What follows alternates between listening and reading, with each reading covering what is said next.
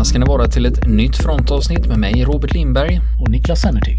Och idag ska vi prata om Wolfschanze, alltså Hitlers varglya på östfronten.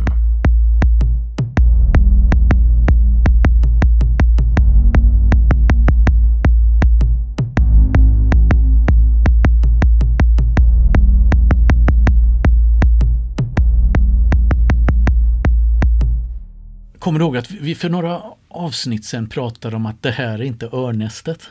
Just det, vi gick igenom örnästet och, som begrepp och berättade vad det inte är. Ja, och, och, att det egentligen aldrig fanns något som hette örnästet heller utan det hette Berghof. Ja, precis, precis. Det är ju lite intressant det där med militära högkvarteren då för man, man vet att man verkligen befinner sig på historisk mark och att här har viktiga beslut fattats och här har den och den kända historiska personen traskat omkring och kanske stått precis där jag står just nu. Och ibland får de här militära högkvarteren också stå som symbol för någonting. Till exempel om vi säger att ja, idag från Pentagon så hörde vi att. Då ja. betyder det att vi pratar inte nödvändigtvis om byggnaden eller personerna där i utan det står som begrepp för hela amerikanska försvaret. Precis, och militärledningen där ja, precis. Har du varit på svenska högkvarteret? Jag har inte varit inne på högkvarteret men jag har varit eh, utanför. Vid Valhallavägen? Jajamän. Just det. Jajamän. Jo men jag har faktiskt varit inne och pratat med folk där. Aha. Det jag mest slogs av var att ABAB-vakterna var beväpnade med pistoler. det var det en sån sak? Nej, det är sällan man ser väktare vara var faktiskt ha skjutvapen. Det Nej, precis. Lite speciellt. Ja, just det. Men nu tänkte jag vi skulle prata om ett högkvarter där de var beväpnade vakterna med lite tyngre grejer än pistoler. Och det är ju nämligen Hitlers långvarigaste militära högkvarter under andra världskriget. Det som eh, populärt brukar kallas för varglyan men som är en lite felaktig översättning. Wolfschanze som idag ligger i norra Polen. Betyder vargskansen ordagrant. Och att eh, det ofta förekommer någonting med Wolf, alltså varg, Eh, i koppling till Hitlers högkvarter och så vidare. Det beror på troligen att eh, Hitler hade ett tecknamn på 1920-talet när han försökte vara inkognito och så vidare och reste, när han reste runt så kallade han sig Herr Wolf. Och det hängde, har hängt med sen troligen att det är därifrån det kommer. Då, Wolfschanze. Det var den plats där Hitler alltså tillbringade största delen av andra världskriget på det högkvarter. Och eh, som jag sa, det ligger i norra Polen idag. Det var mark som före 1945 låg inne i Tyskland men som efter kriget eh, blev en del av Polen och den tyska befolkningen där fördrevs och hamnade i Östtyskland eller Västtyskland. Och eh, orterna där bytte namn, fick mm. polska namn. Men du menar alltså att han tillbringade mer tid där än man gjorde i Berlin? Ja, det gjorde han. Man kan säga att under de år som andra världskriget pågick så tillbringade han sammanlagt 800 dagar på ett ungefär i eh, Wolfschanze. Och det, och det innebär att det var där han uppehöll sig mest helt enkelt. Annars hade han många högkvarter på olika platser där han tillbringade längre eller kortare tider men aldrig längre tid än i den här vargskansen då. Som ligger i eh, ett område som kallas för Masuren. Eh, det hette det faktiskt redan på den eh, tyska tiden, det här området. Ett väldigt vackert område som påminner ganska mycket om Småland. Mycket, sko mycket täta skogar, eh, små gläntor och hagar och åkrar och mycket sjöar och små pittoreska bondbyar. Så att det är väldigt som den smålänning jag är så så känner man igen ganska mycket. Eller man, man säger att det här, det här är inte obekant på något sätt. Du kände det hemma? Nåja. och eh, det, det, är ju ett väldigt stort turistmål. Och jag tänkte att vi ska prata om det sen, hur man tar sig dit helt enkelt. För att det är inte så svårt. För de som inte har varit där så, eh, så är det inte alls svårt att ta sig dit. Även om det ligger lite off the beaten track så att säga, för, för svenska turister som gärna åker till Medelhavet och så. Men varglyan då den byggdes, började byggas 1940 åt Hitler då som ett planerat högkvarter i ett område, en del av Tyskland som låg väldigt nära den sovjetiska gränsen. Och det, avsikten var uppenbar. Det var därifrån Hitler skulle leda det kommande kriget mot Sovjetunionen. Redan då stod det klart eh, att det kommer att ske. Mm, redan då fanns det, fanns det så att säga så gick tankarna åt det hållet. Att det här var ingenting, inte ett beslut som hade kommit till i största hast och invasionen av Sovjetunionen. För det här var ändå tysk mark även innan. Det var inte så att ja. idag ligger ju i Polen. Mm. Men det var ju mm. inte så att man gick in i Polen 39 och tog det här området mm. utan det var ju tyskt dessförinnan. Ja just det, det här var en del, en del av en tysk eh, provins som hette Östpreussen. Om man tänker dagens Kaliningrad. Det var östra delen av Östpreussen och eh, Kaliningrad hette Königsberg och var huvudstaden i den här provinsen. Så att halva delen av Östpreussen hamnade, blev den här Kaliningrad-området och den andra halvan ligger i nuvarande Polen. Och det är i den polska delen där ligger Varglyan. Det låg utanför en stad som hette Rastenburg på den tyska tiden. Närmare bestämt eh, heter den idag då på polska Ketchin, eller Kenshin närmare bestämt. Stavas lite knepigt för en svensk som inte är bekant med polska.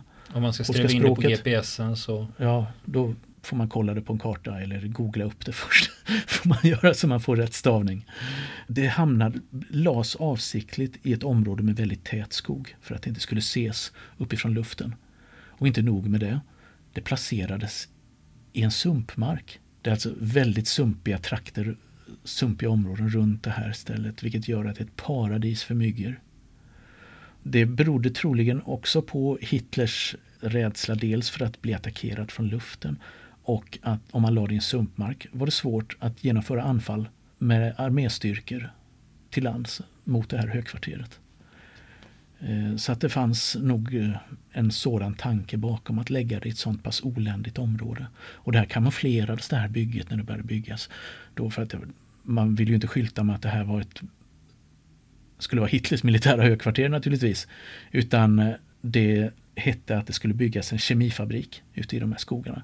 Som visserligen också den var hemlig. Men eh, ingen skulle ana att det faktiskt var eh, det högsta högkvarteret som skulle ligga där.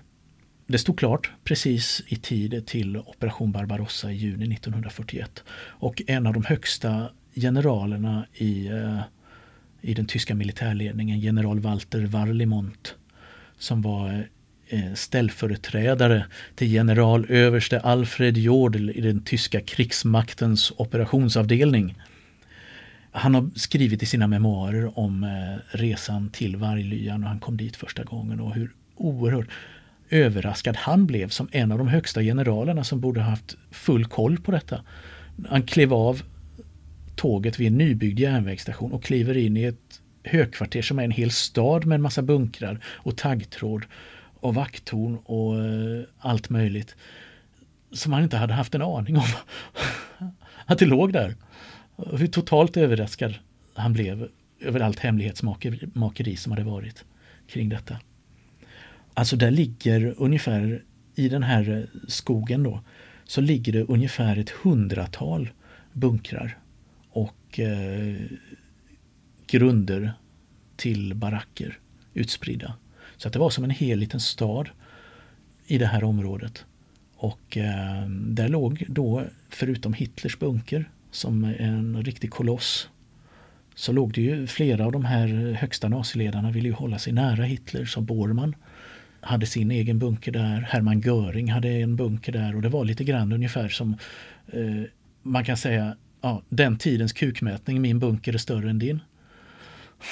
Pågick en liten tävling. Var det inte så att vem som låg närmast Hitler? Ja, var det, det sån grej också? Det, det var naturligtvis också så ja. Och Görings ligger närmast Hitler, närmare än Bormans, vilket eh, än vad Bormans bunker gör, vilket gör att Borman var nog inte riktigt lycklig över detta och, och så vidare. Och de, så att det förekom mycket sån rivalitet. Och en del andra av de här ledarna fick ju inte ens ha sina bunkrar i Vargskansen utan var tvungna att ha, söka sig områden runt om.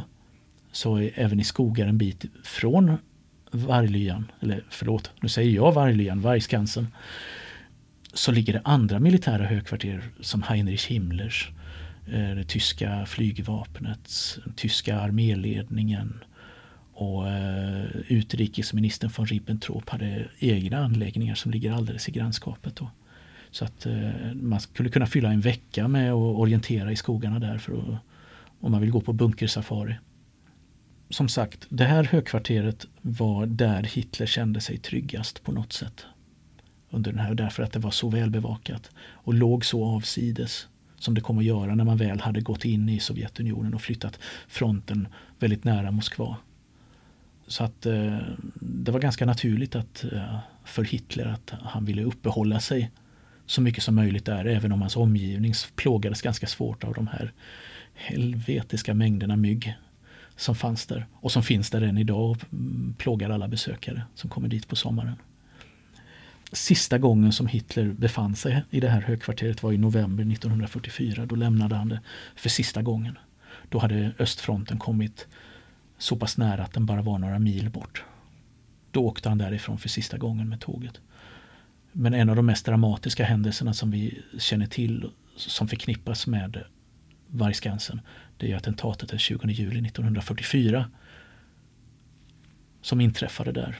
När man kommer dit som besökare så är det en av de första platserna man kommer till.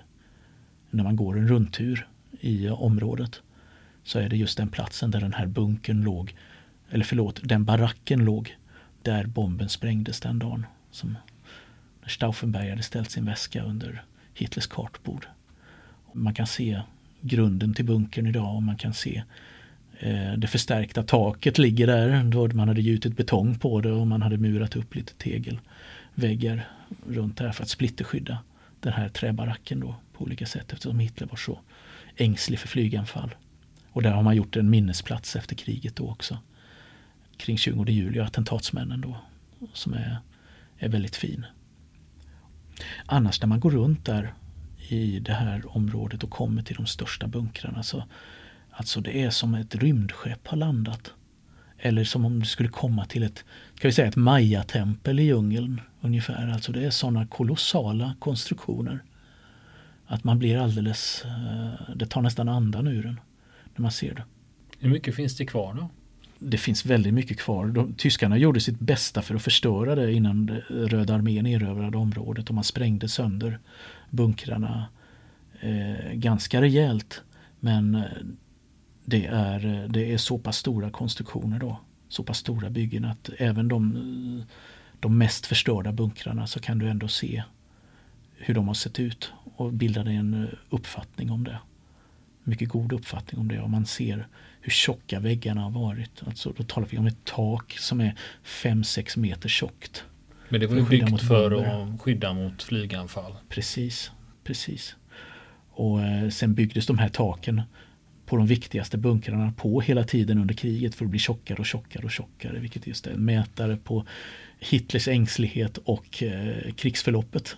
När det började gå Tyskland emot så blev taken tjockare och tjockare på de här bunkrarna. Alltså det är ett väldigt välorganiserat friluftsmuseum idag får man nog säga. Och det finns ett litet hotell i en av de få bevarade byggnaderna på området. Ett litet gästhotell som SS hade eh, för besökare till eh, Varglyan på Hitlers tid. Där kan man eh, idag för en billig penning bo som, med vandrarhemsstandard ungefär. Och sen finns det ju hotell då i närheten i grannstaden då Rastenburg, Kenshin till exempel. Väldigt fint organiserat. Det är, museet omfattar egentligen bara den här, alltså det var indelat i tre zoner. Tre spärrområden som man sa, ett, två, tre. Och ett var det här lilla området i mitten där Hitler och den högsta ledningen höll till. Och sen nästa ring runt där var de som var ja, näst viktigast. Och utanför det så var det servicepersonal och, och lägre personal och officerare av lägre rang och så vidare som hade sina bostäder och tjänste, tjänsteutrymmen och så vidare. Så att eh, man kan fortfarande idag besöka Alfred Jodels högkvarter som klarade sig ganska oskatt. Och eh, man kan se garaget där Hitlers chefschaufför Erich Kempka hade Hitlers bilar. Det är två av de byggnaderna som har klarat sig ganska bra i, eh, i sammanhanget. Eh, medan övriga är ganska skadade. Men ändå är det så pass att man kan se hur de har sett ut. Finns det mycket information med tavlor och broschyrer och sånt så det är lätt att hitta ja, eller kräver det förkunskaper? Ja, alltså det är lätt att hitta för det, är snitslat och utmärkt med siffror vilken bunker som är vilken och man kan köpa guider på plats. Allra bästa är om man har läst på ordentligt i förväg som vi vet att Eh, många av våra lyssnare på den här podcasten brukar göra när de är ute på, eh, på sina egna expeditioner i, eh, i historien. Och det finns en liten bokkiosk jämte där man kan köpa böcker, tyvärr mest på polska och tyska. Men en och annan engelsk guidebok brukar finnas där också. Finns det någon souvenirbutik? Jag tänkte man kan köpa ah. en replika av von Stauffenbergs portfölj eller? No, you wish. Inte vad jag kunde se, men eh, baksidan av det här också måste sägas eh, finns ju att de som eh, driver det här museet idag har också lite mer jippoartade inslag till exempel man, som eh, jag kan bli lite trött på. Till exempel att man får eh, lasta in familjen och åka militärfordon där. Något gammalt tyskt eller amerikanskt fordon. Och att de har ordnat en skjutbana i en av de gamla bunkrarna och så vidare. Där man ställer ut lite gamla rostiga stålhjälmar och så vidare. Och eh, jag tycker att det där kanske man inte ska ha på en sån plats. Där så många ödesdigra beslut har fattats som har påverkat så många människors liv och betytt så mycket jämmer och elände för, för Europa. Utan eh, det där borde de hålla sig lite för fina för, den biten. Men klart, eh, det bidrar väl till att eh, öka turisttillströmningen och få det gå runt för att alla har ju olika smak. Vad de gillar att göra och så vidare. Man får väl respektera att alla kanske inte är lika intresserade av att titta på gammal betong som en del av våra historiskt intresserade lyssnare är och undertecknad. Hur svårt är det att ta sig dit då, härifrån? Mm, just det. Det höll jag på att glömma att berätta. Det är, inte, det är ju inte svårt alls, speciellt om du bor i södra Sverige så är det ju inte långt att ta sig dit. Eh, färja, lättast är att ta färjan från eh, Karlskrona till Gdynia. Och när du kommer i land i Gdynia eh, med bilen då, glöm inte bilen, annars blir det svårt. så, eh, så har du bara några timmar, det är ungefär 30 mil att köra. I ett ganska vackert landskap och det är nästan raka spåret eh, utom sista biten. Då behöver man en bra karta eller en bra GPS för att hitta den sista biten fram. Är det eh, skyltat eller är det svårt mm, att hitta ja, dit? Ja, det är det. Skyltat är det inte speciellt väl. Inte ens från staden Rastenburg, alltså som den hette på den tyska tiden då så, eh, så går det att hitta några skyltar så att man bör ha med en bra karta eller ha kollat så att man uh, har fått in destinationen på GPSen innan man åker. För att uh, skyltningen är väldigt dålig. Det är först när man är alldeles i närheten av Varglyen som det dyker upp de första skyltarna. Men när du säger att det är 30 mil från Gdynia mm. Ungefär. Eh, till Vargsgränsen. Då, då, är det ju, då är det ju färjeturen egentligen som tar längst tid. Ja, typ. Det skulle jag säga. Och det är väldigt vackra omgivningar. Det är väldigt trevligt att åka runt och besöka Polen. För övrigt. Eh, inte bara för sån här typ av krigsturism eller vad man nu ska kalla det, historisk turism. Utan eh, det är god mat, det finns mycket annat att titta på, det är vacker natur, trevliga människor. Så att eh, det finns mycket att göra utöver att, eh, att åka just till det här stället, till den här dystra platsen i historien. Man kan tillägga att den som är naturintresserad så är faktiskt det här området där Varglyan ligger ett synnerligen intressant område att besöka. Just på grund av den eh, vackra och närmast orörda naturen. Och för att det på grund av tillgången på insekter är ett fladdermusparadis. Så när man går runt på Vajlöön så kommer man se fladdermusholkar överallt också på området som naturvårdare har satt upp. Övernattar man i närheten så ska man nog passa på att göra en liten kvällspromenad om man är intresserad av fladdermöss. För att eh, där finns det goda chanser att se de små liven. Och nu ska vi prata krigsfilm. För det här vi ska prata om nu, det är en krigsfilm. Men den här typen av genre kallas för dramadokumentär. Det vill säga när du tar en verklig händelse och återupprepar den. Fast med regissör och skådespelare och filmteam. Mm. Och, vänta, vänta. Kommer du nu med ännu en film som jag inte har en aning om vad det är? Det får, är det det du säger? det får vi se. Om, eh, har du talat om Battle for Tabita? Nej. ja, då har vi lyckats igen då. Det är en brittisk film från 2007 och den utspelar sig i Irak. Okej. Okay. Ja, okej. Okay. Nu är det ju så här att ibland händer det saker i olika krigszoner där civila stryker med. En av de mest kända under Vietnamkriget var ju Song My. Alltid när sådana här saker som det som hände i Tabita då som den här filmen handlar om. Så fort den, eh, den typen av händelser dyker upp, då jämför man dem alltid med Song My. Eller det kan vara svårt att hitta det, för Song My det är något vi säger i Sverige, My Lai säger man i USA och i resten av världen. Det som hände i Tabita, det var att en amerikansk patrull var utsatt för en eh, IED-attack. Det sprängs en handvid och samtidigt så är det några som öppnar finkalibrig eld mot dem då. Och sen sticker förövarna då. Och patrullen på plats börjar då rota runt i husen runt omkring. Och bland annat stoppar de en bil och tar ut eh, förarna och passagerarna ur den här bilen. Och där är det en officer som är ansvarig på plats som tidigare har gått till sitt befäl och vill bli befriad från tjänstgöring. För han känner att han eh, är på gränsen och överhuvudtaget klarar av det här. Men han får order att bara återgå och han har problem med mardrömmar, typiska sådana här PTSD-symptom då. Men det som händer när de tar ut passagerarna det är att han eh, öppnar eld och mot de här civilisterna och skjuter ihjäl dem. Och sen går de in i husen runt omkring och öppnar eld mot Alltså de gör ju ett eftersök efter skyttarna. De påträffar inga skyttar men de öppnar eld mot de civilisterna som är i huset. Eller i de här husen för det är flera som stryker med. Och sammanlagt så är det 24 civila som dödas av amerikanska soldater under den här insatsen. Och det här får ju då efterräkningar när man väl börjar. Det är ju inte bara den här officeren som har öppnat eld utan flera av hans underlydande har ju också öppnat eld mot de här civilisterna. Och när det börjar utredas först försöker man ju då lägga locket på och säga att nej, men det var en vanlig stridsinsats, inga konstigheter. Men efterhand så dyker det upp mer och mer uppgifter då som tyder på att men om vi tittar på de här barnen som ligger ihjälskjutna i sitt sovrum. Hur förklarar ni det liksom? Så att eh, efterhand så rullas det här upp då. Och det blir ju också man känner igen lite av det här från Vietnamkriget just när de är ute, de blir anfallna, förövarna eller fienden syns inte, de bara försvinner. Till slut byggs det upp så mycket aggression och så mycket hat och sån frustration och till, till slut så går det överstyr. Mm. Och, det brister helt enkelt. Ja, och det här ser vi ju exempel på i många olika krig. Mm. Precis, om och om igen. Och det här är ju det som hände i Tabita då. Det är ju ett exempel på det här.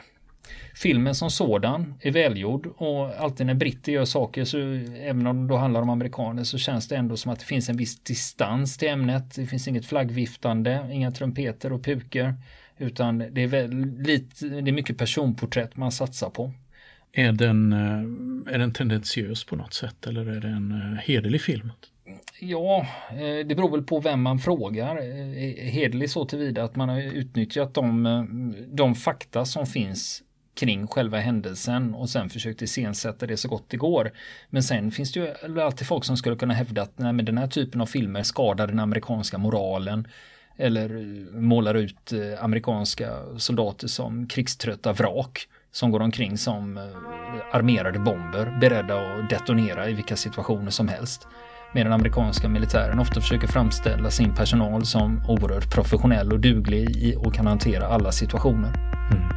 Just det. Vill ni komma i kontakt med oss så kan ni göra det via vår Facebook-sida som heter Fronten. Det är inga problem för er att leta er fram där.